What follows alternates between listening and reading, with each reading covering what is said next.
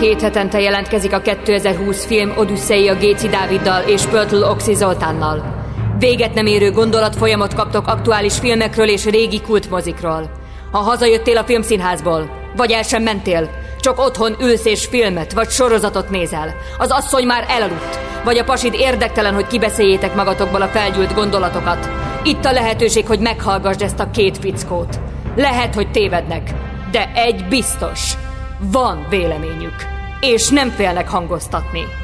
Kezdődjön tehát a 2020 film Odüsszei az újságíró Oxival és a filmrendező Dáviddal.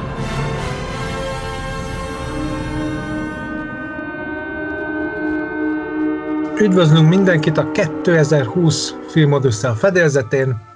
A mikrofonoknál Géci Dávid filmrendező és Pöltő Oxi Zoltán újságíró. Kezdjük rögtön a legkellemesebb részével a dolgoknak, a szolgálati közleménnyel.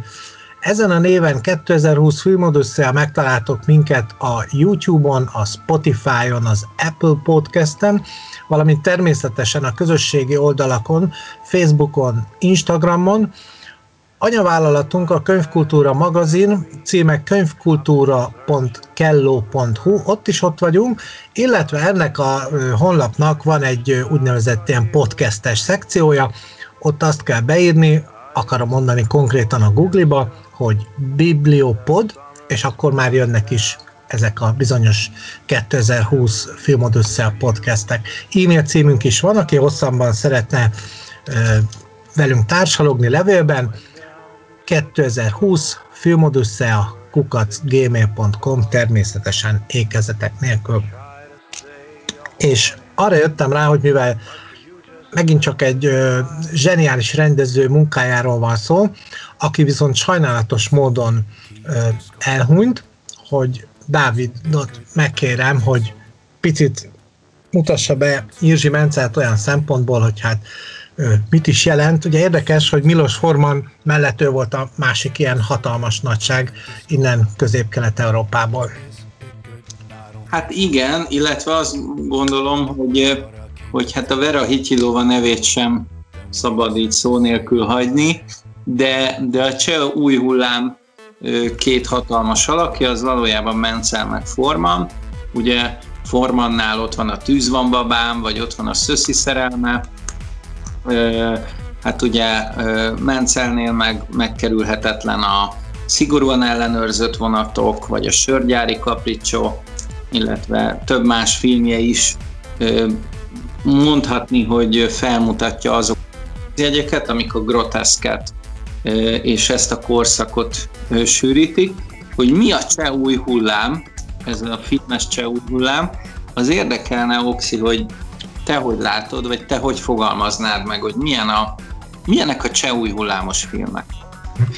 Hát egyszer volt szerencsém Szabó Istvánnal egy nagyon rövid interjút készíteni, és akkor úgy köszöntöttem őt, hogy mint a magyar új hullám egyik képviselőjét, és akkor, ahogy mondod is, tényleg hát a 60-as években, amiről itt most sok generációig mehetnénk vissza, hogy azok visszaemlékeznek-e, hogy valójában hogyan érzékeltük ezt, vagy érzékelték azok, akik mondjuk a szüleink voltak, akik a 60-as években voltak 20 évesek, már ha itt mindenkinek ennyi idősek a szüleim, vagy voltak.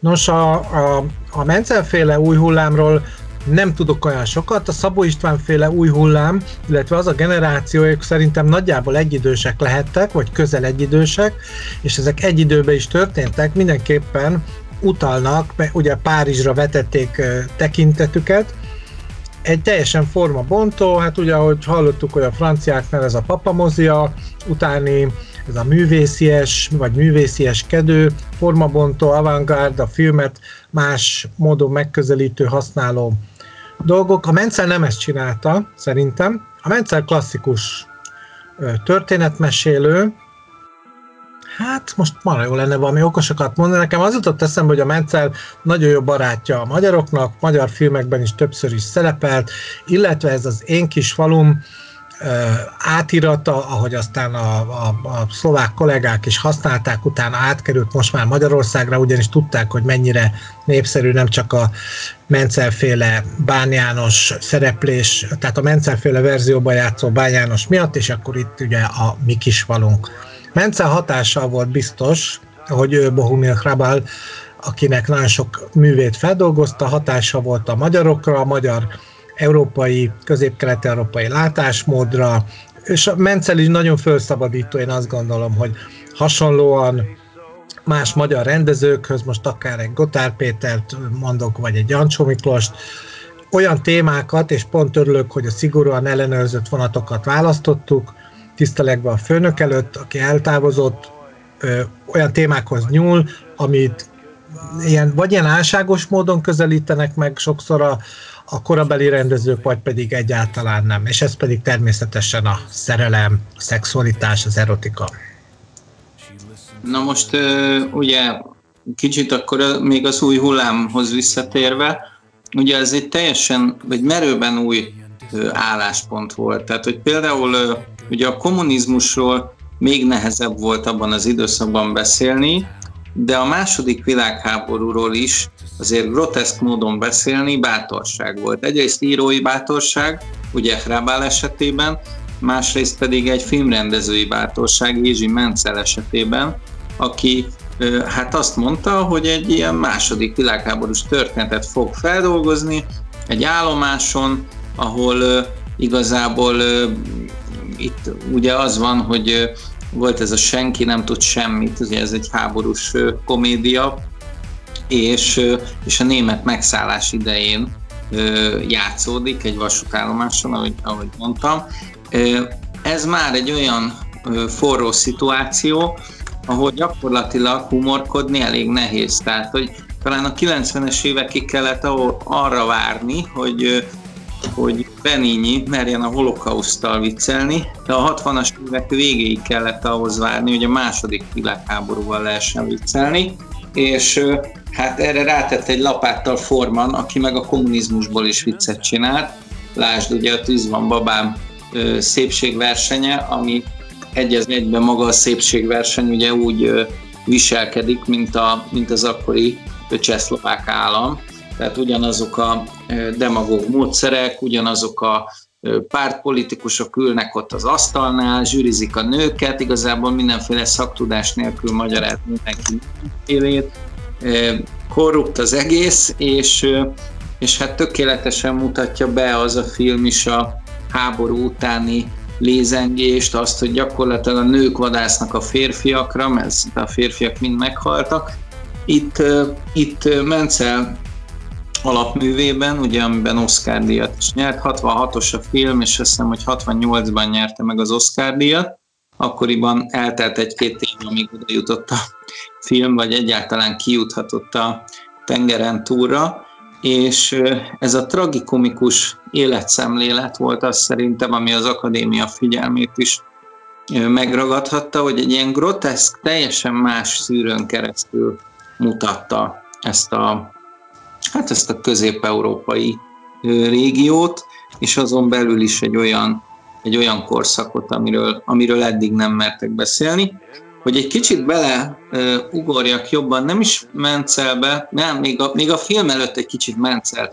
Uh, te mondtad Szabó Istvánt, egyszer nekem is volt lehetőségem vele beszélgetni az Ajtó című film kapcsán, de még jóval ezelőtt, uh, egy húsz éve, azt hiszem, hogy az Orcikertben voltam a Páfi Gyuri és Hajdu Szabi vezetésével, készült egy beszélgetés Irzsi Mencellel, és nekem az volt az első élő élményem Mencellel, hát a család ez nyilván megkaptam a családi fröccsöt még az édesapámtól, hogy Mencelt tudni kell, Mencelt nézni kell, Hrabált olvasni kell, tehát hogy nálunk ez ilyen alap volt kamaszkoromban, hogy tudtam, hogy ki az a Jézsi Mence, és akkor először láttam 20, talán vagy, vagy tinédzser korom végén, egy fura, hogy egy ilyen fehér joggingos, melegítős, egyébként fiatalos öreg jött be, egy plázacicával az oldalán, és azt hiszem még ilyen fej,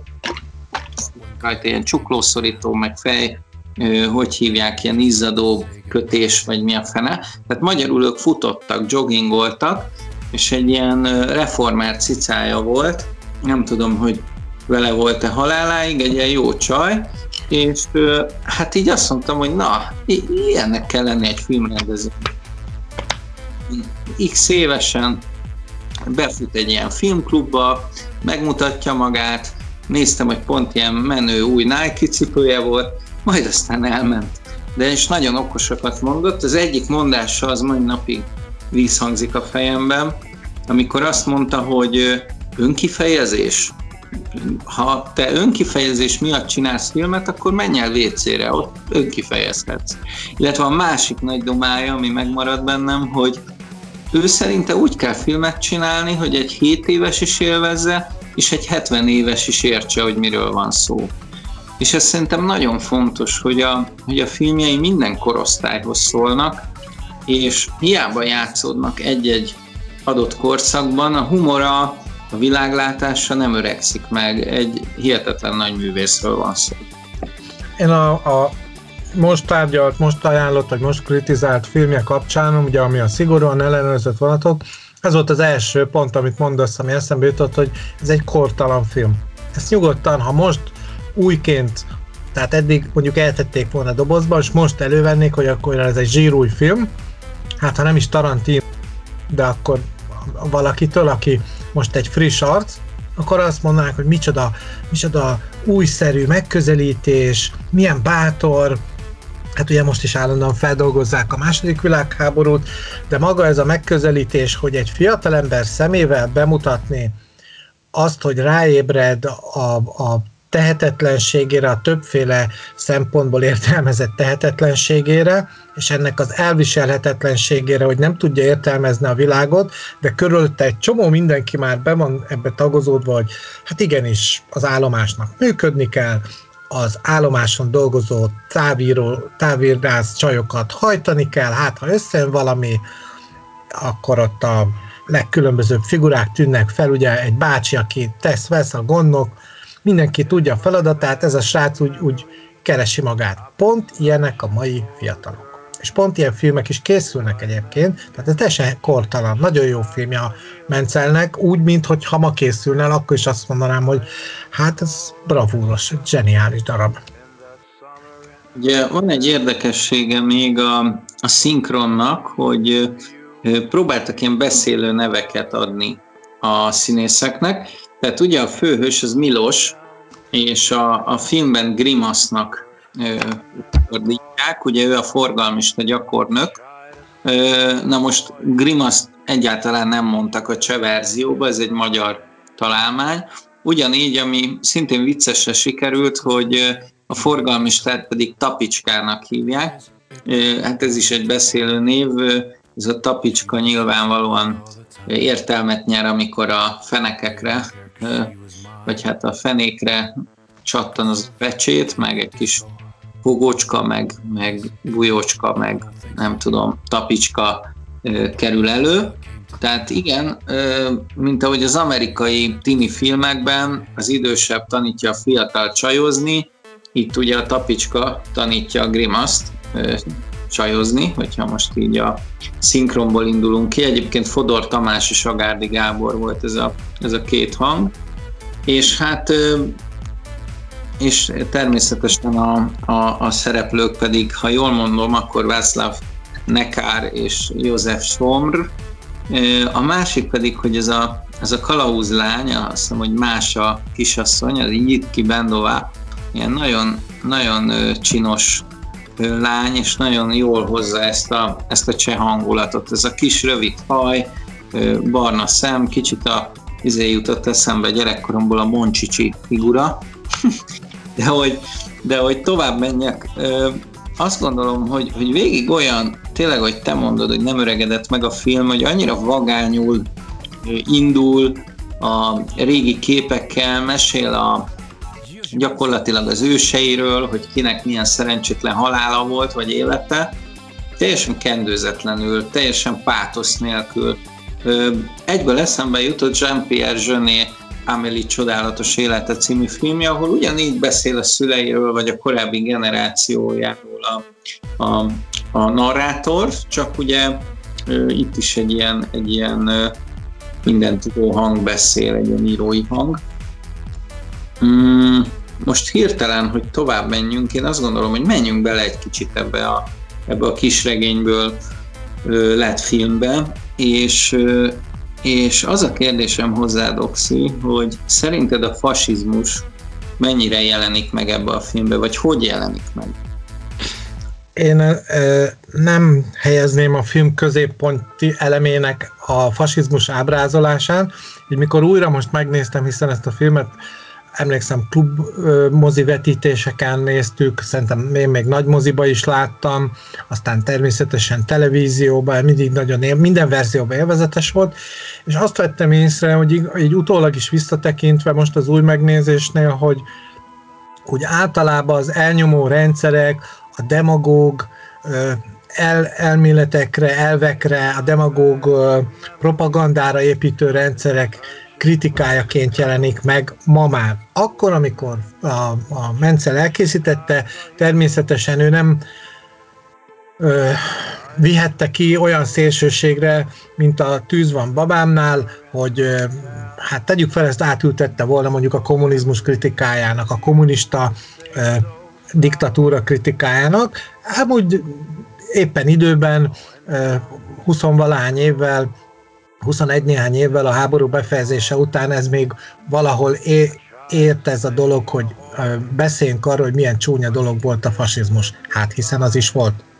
Tehát én azt gondolom, hogy joggal készítette el, ugyanakkor ez is univerzális ítéleté magasodik a Mencer művében, hogy ez minden elnyomó rendszerben, ahogy ott mindig megjelenik az a szemüveges okostojás, aki kioktatja az állomás tagjait, ugye összehívja őket, hogy tessék rendesen viselkedni, jó, hát hadaink itt-ott kikaptak az ellenségtől, de most új összevonások lesznek, újabb hadicselek, és az természetesen a végén győzni fogunk. És hát a szokásos kallendítések és egyebek, most a drámai részt a végére még hagyjuk, amikor ugye bekövetkezik egy ö, ö, tragédia a legvégén, de az elején szerintem nem, meg a közepén se tűnik ki, hogy ez most konkrétan a fasizmus kritikája lenne. Általában a diktatúra és a, a teljesen elvakult, fanatikus és a ilyen, ilyen behűített embereknek a rendszerét mutatja ez a film nekem, ez a, ez a vetülete. Igen, de ugyanakkor nagyon finoman líraian elvrázolja azt, hogy mondjuk a fasizmus idején mi történik egy kis emberrel, mi történik egy alapvetőleg mondjuk azt, hogy egy ilyen balek, kicsit szerencsétlen srácról van szó, akinek a családi hátterese a, a nagy izgalmas felmenőkről szól, és ő maga ö, gyakorlatilag ott találja magát a fürdőszobába felvágott csuklóval már a film felénél. Tehát ö, én azt gondolom, hogy akármennyire szórakoztató az élet, tehát ö, a fasizmus közepén is ö, lehet egy ö, izolált életet élni, egy kietlen állomáson, tyúkokat tartani, meg kalauzlányokat ö, inzultálni, ö, és látszólag megy minden a normális kerékvágásba, megtanulják a szemafort használni, ö, de mégis, mégis valahol ott van a, a rémület, ott van egy karnyújtásnyira a halál, és ezt ö, fogta meg talán Mencel a legjobban, hogy egyszerre tud a film dráma és vígjáték lenni. És egy pillanat alatt tud a kettő közt váltani. Én nem éreztem ezt egyébként, tehát pont ez volt benne a végig üdítő, és ezért egy nagy ö, guillotine ö, lecsapás, fejlecsapás, amikor egyszer csak bekövetkezik az a bizonyos drámai vég, az a fordulat, az a rossz, nagyon rossz fordulat, hát hiszen végig drukkolunk valószínűleg Milosnak, hogy sikerüljön neki minden. Én nem emlékszem arra, hogy tehát mikor megjelenik az a náci vezető, aki ott ugye mindenkit pattogtat, hogy gyerünk, gyerünk, akkor mutatom, hogy hogy kell, meg mindenki tartsa be a szabályokat. Igazándiból ö, egy ilyen pojáca a figura, és ő is egy nevetséges valakivé válik, nem félelmetessé. Látunk német katonákat, egy adott jelenetben, hogy át itt taplatnak az állomás területén, de aztán ők is megállnak, és itt megint csak bejön az erotika, hiszen észreveszik, hogy a hát nem is tudom, hogy igaz ez a legenda, voltak ilyen kupleráj vonatok, és akkor ott megáll egy, megállt egy olyan szerelvény, amire ugyanaz van fölrakva, hogy hát ez egy vörös keresztes, vagyis hát egy kórház vonat, de a nővérek nagy örömmel fogadják a front frontokon áthaladó, vagy a frontról éppen hazafelé, vagy egy újabb harctérre igyekvő katonákat, és ott nagy örömködés indul el. Hát egy laza gangbang ilyen gruppen, és az a szegény Milos meg be is néz, hogy most akkor mi van? Ugye, és akkor arra még térjünk rá, bocsánat, hogy a Milos az a abszolút erkölcsiséget jelent. Ő az a tiszta, a vegytiszta, klasszikus, az igazságot, a szépséget, a szerelmet, de akár még a, a, a tiszta rendet, ahogy ott egy állomásnak működni kell, kereső figura. És ugye majdnem mindegyikben, hát ugye kicsit csalódnia kell, de az ő szeme által látunk mindent, és ezzel minden lelepleződik, hogy valójában nem, nem lehet ilyen naívan gondolkodni a világról. Hát nagyjából értem csak, amit mondasz, mert azért, azért ott az egy rohadt nagy felkiáltójel a film közepén, amikor befekszik a kádba, és, és, és hát ha valaki látta ezt a jelenetet, szerintem egy életre megjegyzi, hogy a kis Hokedlinek a résébe berakja a pengét, és, és ráüt egyet. Tehát, hogy gyakorlatilag így, ilyen erőszakkal felvágni egy eret, de sokféle érfelvágást láttam, nem tartozik amúgy a kedvenc jeleneteink közé. Valamiért én, én bármit el tudok viselni, hogy szakadjanak a végtagok, a Terry Gilliamnél darabolhatják egymást a lovagok, vagy a Tarantinónál hullhat a vér, vagy a Takeshi Kitanónál, de, de az, hogy valaki fölpattintsa így az erét, az, az, az, az hú, hát én kiakadtam. Tehát, hogyha ezt Ennek egy van egy oka. Habkönnyű vígjátéknak látod, nálam ott bukik a habkönnyű vígjáték. Igen, itt van egy oka ennek. Én most néz, én is, figyelj, emlékeztem erre a jelenetre, és az egyik kezén úgy vágja el, tehát az, a, mondjuk azt a bal kezén, ott ugye a jobb kézzel metszi el az ereket, keresztbe. Ilyenkor az a kéz már ugye nem használható. Viszont a másik kezén is el akarta vágni az ereket, ezért használta azt, hogy letette egy ilyen statikus helyre a pengét, és így belevágott tulajdonképpen, így belelendített a jobb kezével, mert a bal kezét, ami már akkor vérzett, nem tudta használni. Aj, borzalom, borzalom, és utána azért ezt így megfejelve, azért kiemelném azt a jelenetet, amikor találat éri ugye a házat, és egy ilyen szürreális, nem is tudom, apokaliptikus helyé lesz a, az otthon.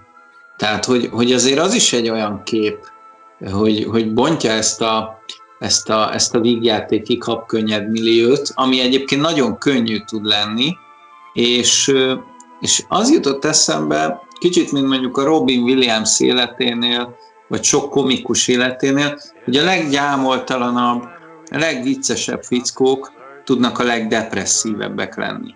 Tehát, hogy elsőre én ezt a Milót, ezt én nem féltettem volna, mert azt gondoltam, hogy egy kis ügyetlen gyerek, aki majd valahogy magára talál, és ennek ellenére ö, már a film felénél eldobná a saját. Hát bele kell, hogy menjünk a, a, a dolgok lényegébe. Én ezt úgy szoktam mondani, hogy az orvosi részébe. Milos azért depressziós, azért dönt a halál mellett, mert korai magömlése van.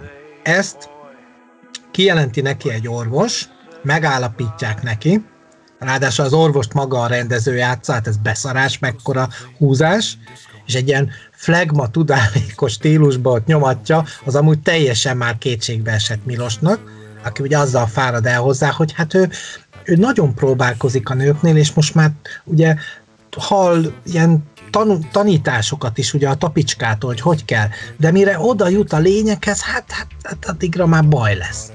És ugye ez egy klasszikus férfi probléma, és ott egyszerűen ezt nem tudja feldolgozni, és innen indul ez az öngyilkossági dolog, ugye eltúlozza. Ja, hát hogyha ilyen gond van, ez annyira szégyen, hogy az én fügykösömmel ilyen gond van, mondja ő magába talán, akkor inkább meghalok. Hm mókás, mókás a, a, a szituáció. másrésztről meg, meg azt gondolom, hogy, hogy egyfajta műfai újítás. Most úgy értem, hogy a filmekben vannak olyan sarokpontok, mint például Hitchcocknál, ugye a Pszichónál, ami egy ennél korábbi film, 1960-as, ugye, ő, ő eljátszotta azt, hogy, hogy van egy főszereplőnk, aki gyakorlatilag a film első harmadában meghal. Ö, és, vagy felében, na mindegy, most nem tudom, hogy hanyadik percben, de minden esetre a főhős nyírja ki.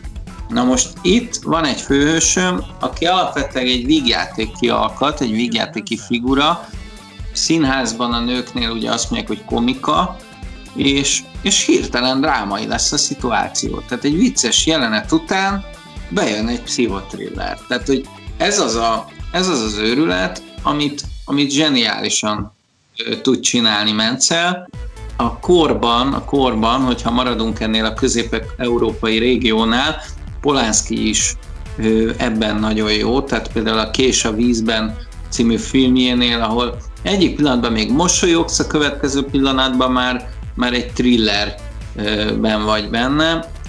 Formannál is egyébként ezt, ezt, ezt tartom a legzseniálisabbnak, hogy nézed a szálakakuk fészkérét, én mindig megfigyelem magam, hogy közel két órás filmet nézek, amikor a szálakakukot nézem, és az első háromnegyedében én állandóan nevetek. Tehát még, még a drámai részeken is egy pillanatra elgondolkozom, pillanatra érzelgőssé válok, de nevetek. És a film végén olyan szinten vagyok oda taszítva a székbe, vagy a fotelbe, vagy a kanapéra, hogy nem, nem tudok utána felkelni. Tehát ö, ö, írdatlan drámai. A Mencel nem ennyire drámai, hanem nekem hirtelen sokkoló, hanem hirtelen tud váltani, de mondod, hogy te ezt nem, nem így éled meg. Hát a, a McMurphy és a Grimace-nak a sorsa egyébként tök jó, hogy mondod, mert ez tök ugyanaz. Mind a kettőnek csak végzete lehet, de ezt például én is így vagyok vele, a szigorúan ellenőrzött vonatokban kevésbé érzem ezt a végzetességet, mint a szálakakuk. Én azt emlékszem, hogy ugye tínédzser koromban olvastam, akkor volt kötelező, hála Istennek, már mint a baráti körbe, meg a film is, aztán Ken, később le... Igen? Ken Kézi, ugye? Ken Kézi, így van, és aztán képzeld el, hogy itt Dorogon Esztergom mellett hozták el olyan színészek, hogy a McMurphy-t az Eperens játszotta, az Indiánt a Bújtor, és a hú, a, a, a, a recsetnővért nem tudom ki alakította, lehet, hogy a Mor Marian, aki ugye azt hiszem a szinkron hangja, de volt több híres ilyen, ilyen színész benne, de zseniális volt. Na mindegy. Tehát a két figura, a Grimace és a McMurphy teljesen összerakható. Most ugye ezt nagyot élveztem erre, hogy mondtad, hogy száll a kakukfészkére és a, szá- a szigorúan ellenőrzött vonatok.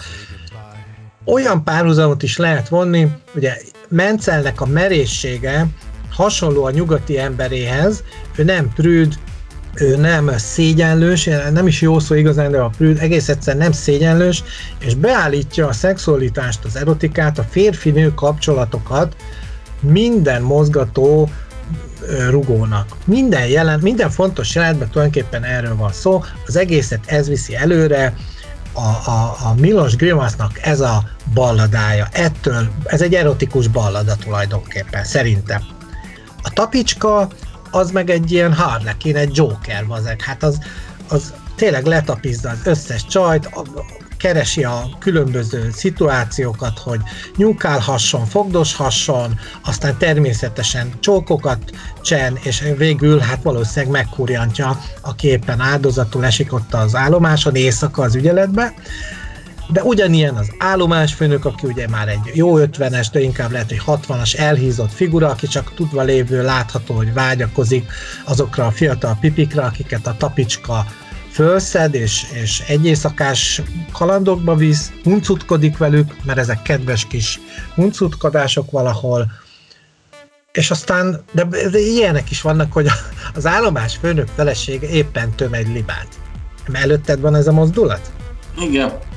Csúnya. Az a, igen, az a liba tömés, ahogy berakja a cuccot a liba, letömi, a, le, letuszkolja a torkán, és hogy lejusson a, a bendőbe, egy ilyen elég jellegzetes, hát ugye fallikus szimbólumá válik a libának az így megnyújtott hosszú nyaka, ahogy így a nő leföl mozgatja ezt az egészet, hogy lejusson a cucca bendőbe. És ezt a Grimasz így nézi meretten, és itt szinte látni, hogy átsuhan az agyán, hogy Atya Úristen, tulajdonképpen minden erről szól. Lehet, hogy én itten segmesztelenül állok mindenki előtt, és tudják, hogy én mit gondolok, mitől szenvedek, mit szégyellek. Ez a fickó mindig szégyel valamit, ez a kis fiú, ez a fiatal gyakornok. Igen, egy szégyellős fiú, ilyen elálló fülekkel, egyébként zseniális a casting szerintem. Tehát, hogy, hogy tökéletes a, a nő, tehát, hogy olyan szép az a, az, az állomás, hogy hívják, nem állomásvezetőnő, kalauznő, hogy még te is zavar és hát aztán Miló tekintetében meg ezerszeres az a zavar. Igen, a, ugye nekem két kedvenc jelenetem van, vagy három, mert ugye ez a bélyegzés, a fenékre bélyegzés, az, az szintén egy Oscar díjas, külön csak az egy Oscar díjat érdemel, hogy mennyire kifinomultan, mennyire huncut módon ilyen, ilyen megfűszerezett erotikát kínál a rendező, és a, a kedvenc jelenetem, amikor ugye a Mása egy csókot kínál Milosnak, Mása fönnáll a vonaton, a vonat épp indulni készül, és ugye a tapicska látja, hogy na, most a, a Milos az éppen majd fog kapni egy csókot, no de neki hatalma van arra, hiszen az ő jelét várja a mozdonyvezető, a masinista, ő belefúj abba a bizonyos sípba, de már csücsörít a két fiatal, de sajnos a vonat, a mozdony elindul, ahogy Demén Ferenc is ígéri, a vonat nem vár, és ez a becsukott szemű, naív kis Milos ott áll a peronon, ez a vonat meg a másával együtt húz el a francba. És az már ugye nevet is a más, hogy ó, te bolond, hát nyisd ki a szemed, legalább nézd meg, hogy hova csücsörítesz. Egyébként nem tud, tehát hogy nem is csak erre reagálva, hanem ugye a, a, a filmnek a velejét nézve, ugye azt írják róla, hogy az egyszerű ember összeférhetetlenségét ábrázolja a film a bürokráciával és a diktatúrával szemben. Hát erről beszéltem, hogy általánosít, vagyis na, tehát általános érvényűen beszél Mencel a, a diktatúrákról, én azt vártam volna egyébként, ha még tegyük fel, tök szüzen nézem meg a filmet, és nem olvastam volna előtte Hrabától erről semmit, vagy tőle, bocsánat, akkor azt vártam volna, egy picit mondjuk Robert Mernél vannak hasonló felépítések, hogy igenis ott az épületen belül is megnyilvánul a diktatúra, és ott mindenki elhatalmasodik mondjuk az állomásfőnök, és ott egy ilyen lelki és egyéb terrorokban, ilyen pszichocuccokban élnek ilyen nyomás alatt a dolgozók. Egyáltalán nincs így, ez a boldogság szigete, tulajdonképpen mindenki megkapja, amit akar, mindenki azt csinál, amit szeretne, amellett, hogy dolgozni kell. Ja, bocsánat, és ott az elején van egy narráció, a Milos Grimas elmondja, hogy ő, ugye, ő miért lett vasutas. Miért lépett erre a pályára? És azért ki belőle, ami mégiscsak a szocializmusban készült ez a film, hogy dolgozni rossz. És a felmenői azért dolgoztak ilyen helyeken, ahol korán el lehetett menni nyugdíjba, mondjuk már 40-es éveik valahanyadik részébe, hogy utána oda menjenek olyan emberekhez, ezt a egyik, azt hiszem a nagyapja csinálta, hogy meséli, ahol keményen dolgoztak még az 50-es, 60-as éveikben is, és ott ugye ez ríkálta őket, és így beszólogatott neki, és jó, meg is verték, végül így halt meg a nagypapa, hogy agyon verték, mert cikizte a munkásokat, akik tudták, hogy ő már talán tíz éve e, nyugdíjba van, pedig még fiatal ember, vagy már fiatal, vagy igen, még fiatal ember. Ez is egy érdekes, hogy ez, tehát egy ilyen fél erkölcstelen állapot. Igen, de és akkor ezt megfejelte a, az apja generációja, aki meg már még, még hamarabb ment el nyugdíjba, Igen. és fetrengett a tévé előtt. Ez az egész arról szól. Nem a tévé előtt, hanem nem is tudom, mit csinált. Nem a tévé előtt, hülye vagyok, hát nem volt tévé, hanem mi, mi csak, csak, csak úgy fetrengett a, a, a fotelban, talán, ha jól emlékszem. Igen. De ugyancsak, de nézd meg, hogy mennyire szexmániás volt a Mence, vagy erotomániás, hogy amikor kijut az állomásról a Milos, és elviszi a mása őt egy fotózásra, ahol ebben a régi bebújós mas, fényképezőgéppel készítik még a képeket, és ott ugye a fényképész az összes csajt lefogdossa, de valami egészen pimasz és durva jel, már kicsi erősen tahó módon, tehát ilyen, ilyen ripacskodik, hogy ilyen, ilyen fölösleges mozdulatokat tesz, meg ide mutogat, meg a, a díszlet, és közben minden mozdulat, minden fölösleges kis mondat egy ilyen aljadék tapizásba, tehát ez lesz az oka az egésznek. És ezt is hagyja mentel, hogy ezek a nem túl kellemes jelenetek ott legyenek. Én azon gondolkozom, Oxi, hogy a Netflix mikor fogja kiírni, hogy a szigorúan ellenőrzött vonatokat leveszik a MeToo miatt, ugyanis ezeken a jeleneteken nem illik nevetni. Hát nem tudom. Na, a, tehát előbb nagyon fontos dolgot mondtál, hogy milyen érdekes, hogy sokáig az ember nevet egy adott filmen, elmegy egy pontig, és egyszer csak a, az alkotó megtréfálja és berántja valami nagyon súlyos tragédiába. És itt is ez történik. A film utolsó 20 percébe Milos bevállal egy, egy szabotás cselekményt, tulajdonképpen egy ilyen, egy ilyen terrorista cselekményt, egy antifasiszta hősként elkezd részt venni egy akcióba. Nem tudom, te ezt hogy értékeled, hogy hogy lehet az, hogy egy ilyen tutyi a saját fügyköse miatt öngyilkosságot elkövet ö, ember, aki teljesen bizonytalan mindenbe, aztán egyszer csak úgy dönt, hogy jó, akkor ő robbant. Náci vonatokat robbant.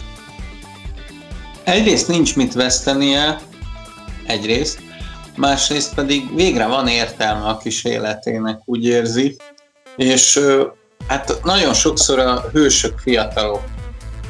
Elég, ha csak a 56-os pesti srácokra gondolsz, tehát hogy, hogy nincs bennük az a félelem, hogy haza kell mennem a gyerekemhez, a feleségemhez, a kutyámhoz, be kell fizetnem a számlát, hanem, hanem az van benned, hogy egyszer élek, és, és miért ne?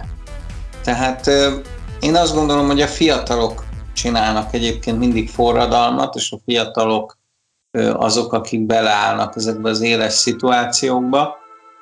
És, és Miló itt egy, itt egy olyan ember, aki gyakorlatilag belesodródott egy ilyen helyzetbe. Abszolút nem hős típus, és nem is sokáig hősködik, hogyha ennyi spoilert lehet mondani.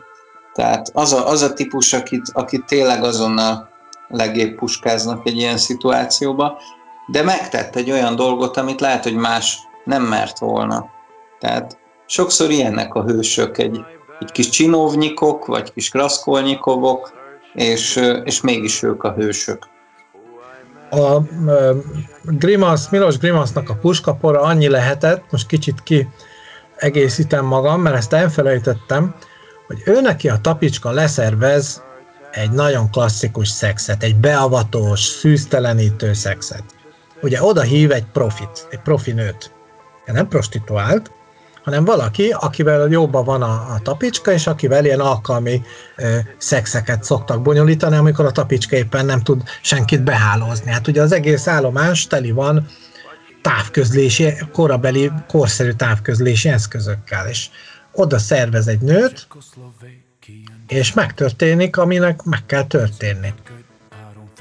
És ettől a, a Milos Grimasz ugyanolyan tökös, kiállású, jóvágású, kemény arcélű, és mindenhol egyéb más helyeken is kőkeményé váló figura lesz, mint a példaképe a Vladislav Tabicska.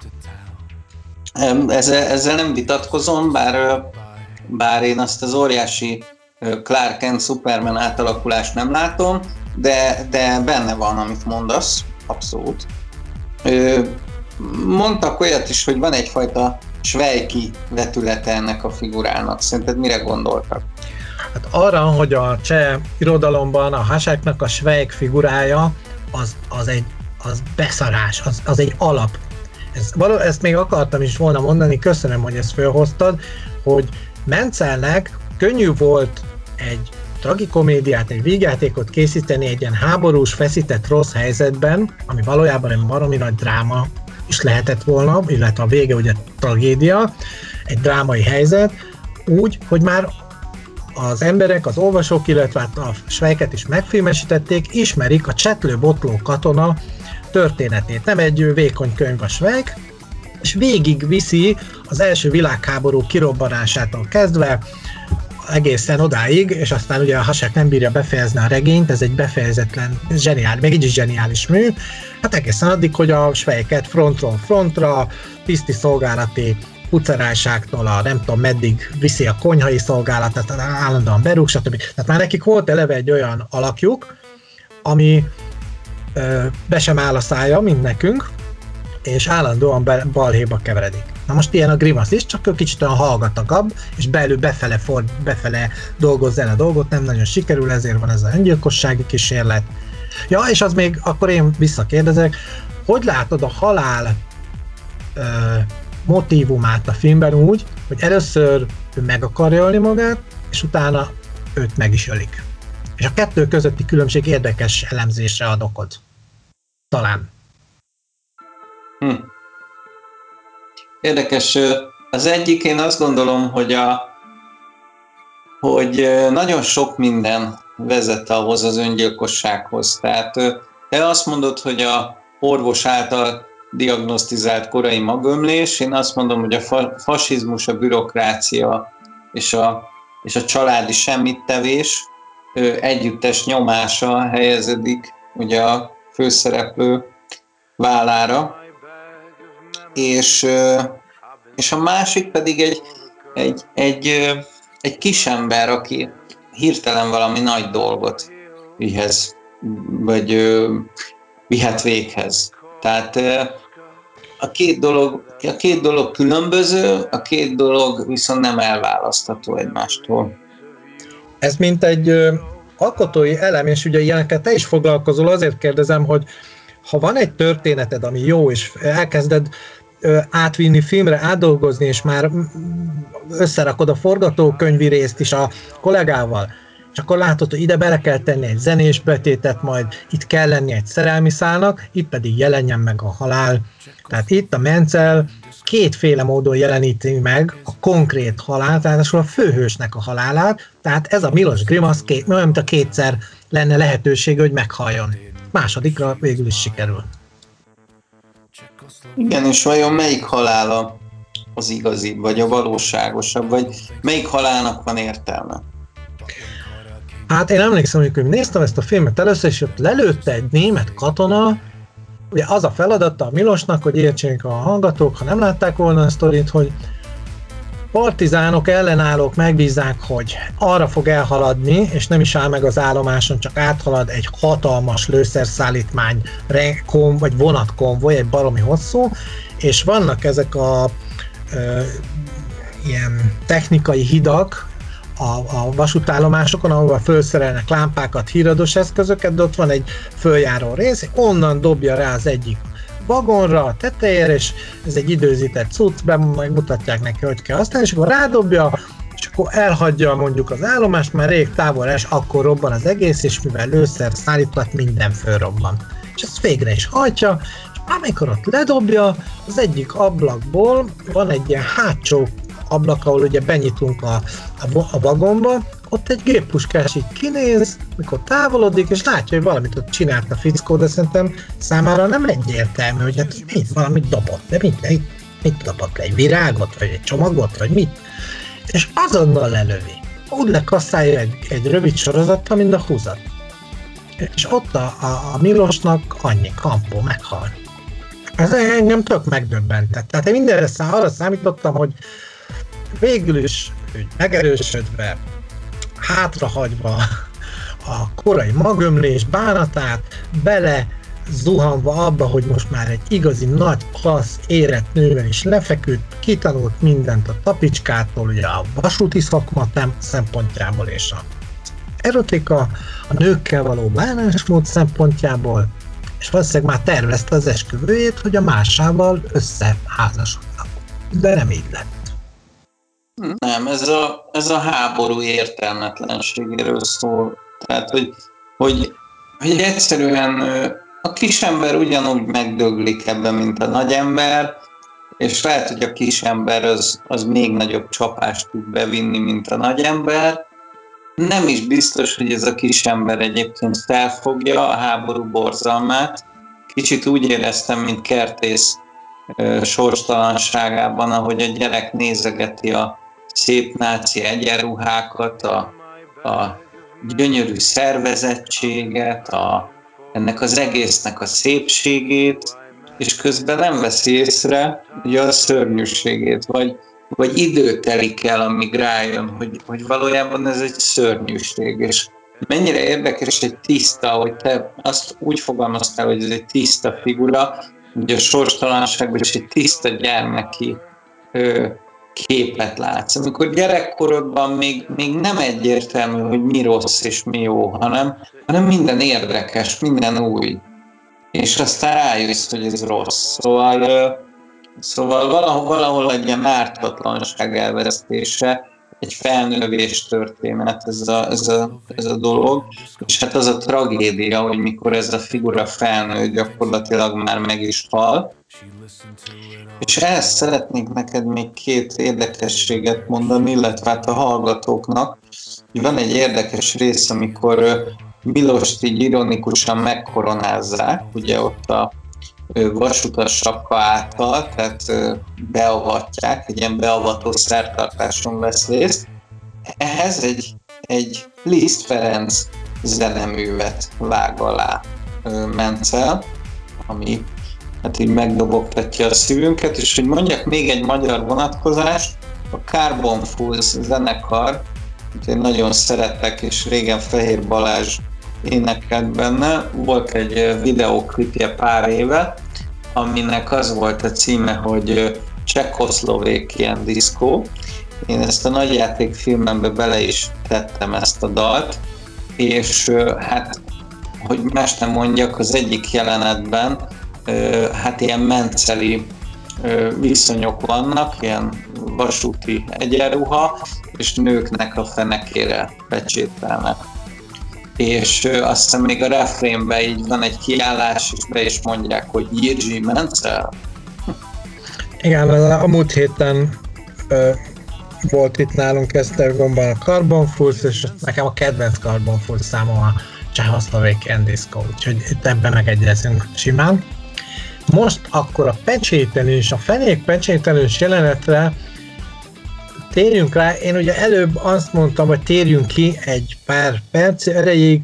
Szerinted ez inkább erotikus, inkább művészi, vagy itt uh, Mencel megint csak megtréfál minket, és előhozza belőlünk a, a művészieskedésre hajlamos, de valójában szexista állatot.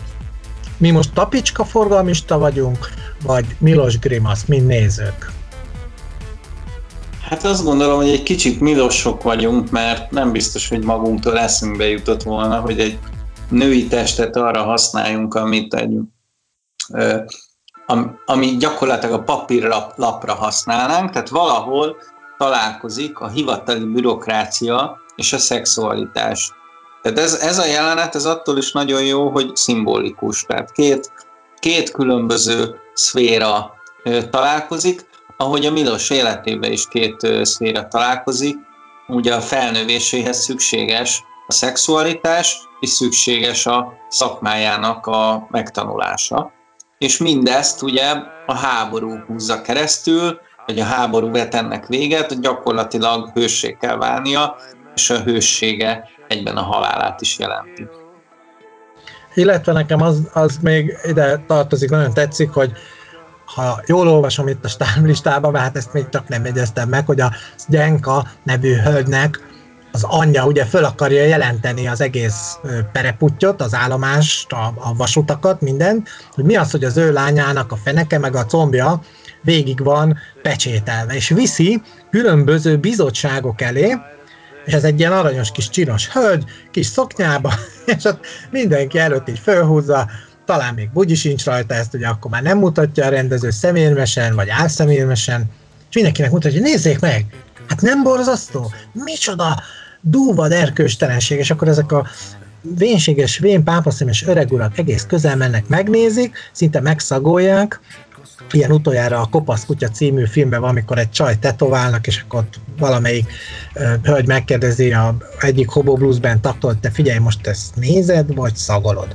És ezek az öreg urak se tudták eldönteni, valószínűleg mind a kettőt nagyon élvezték, majd közlik, hogy ja, ők ebben, ennek megítélésében nem kompetensek, tegyük hozzá, lehet, hogy azért, mert impotensek már ahhoz, hogy eldöntsék erkölcsileg, vagy akár férfiúként, hogy hát ilyet nem csinálunk, de a hölgy mondta, hogy ő ezt hagyta, ő nem erőszak hatására, benne volt a buliban. És a nő, az anyja, az meg viszi sorba a csajt mindenhova. Tehát ha addig nem lett volna ez tudott ez a botrányos jelenet, akkor ott város szerte, vagy falu szerte ez mindenki megtudta. És akkor itt Bencel azt mondja, hogy nézzétek meg, hát ilyenek vagytok. Ti vagytok azok, akik itt bambulják ezt a lepecsételt fenekű csajt, és nézitek, és nem meritek bevállalni. Nekem ez valami ilyesmi. Egy picit ránk pirít. Hm. Tetszik. Én azt gondolom, hogy hát nem azt mondom, hogy kiveséztük, mert nyilván többet lehetne beszélni, és lehet, hogy még később majd a, sörgyári papricsóról is egy kicsit domálunk majd egyszer, ha unatkozol, vásárolj mosómedvét, és hát én azt gondolom, hogy tegyük el magunkat a következő alkalomra, hogyha benned nem ragadt több ezzel kapcsolatban, és, és örülök, hogy egy kicsit foglalkoztunk Jirzsi Mencellel, és majd foglalkozhatunk egy kicsit egyébként Milos Formannal is, mert hát nem akarok különbséget tenni a két rendező között, mert mind a kettő óriási formátum, hozzám egy kicsit Forman közelebb állt, és, és én megmondom őszintén, ott nagyon megrendültem, mert még, még vártam Formantól jó pár filmet.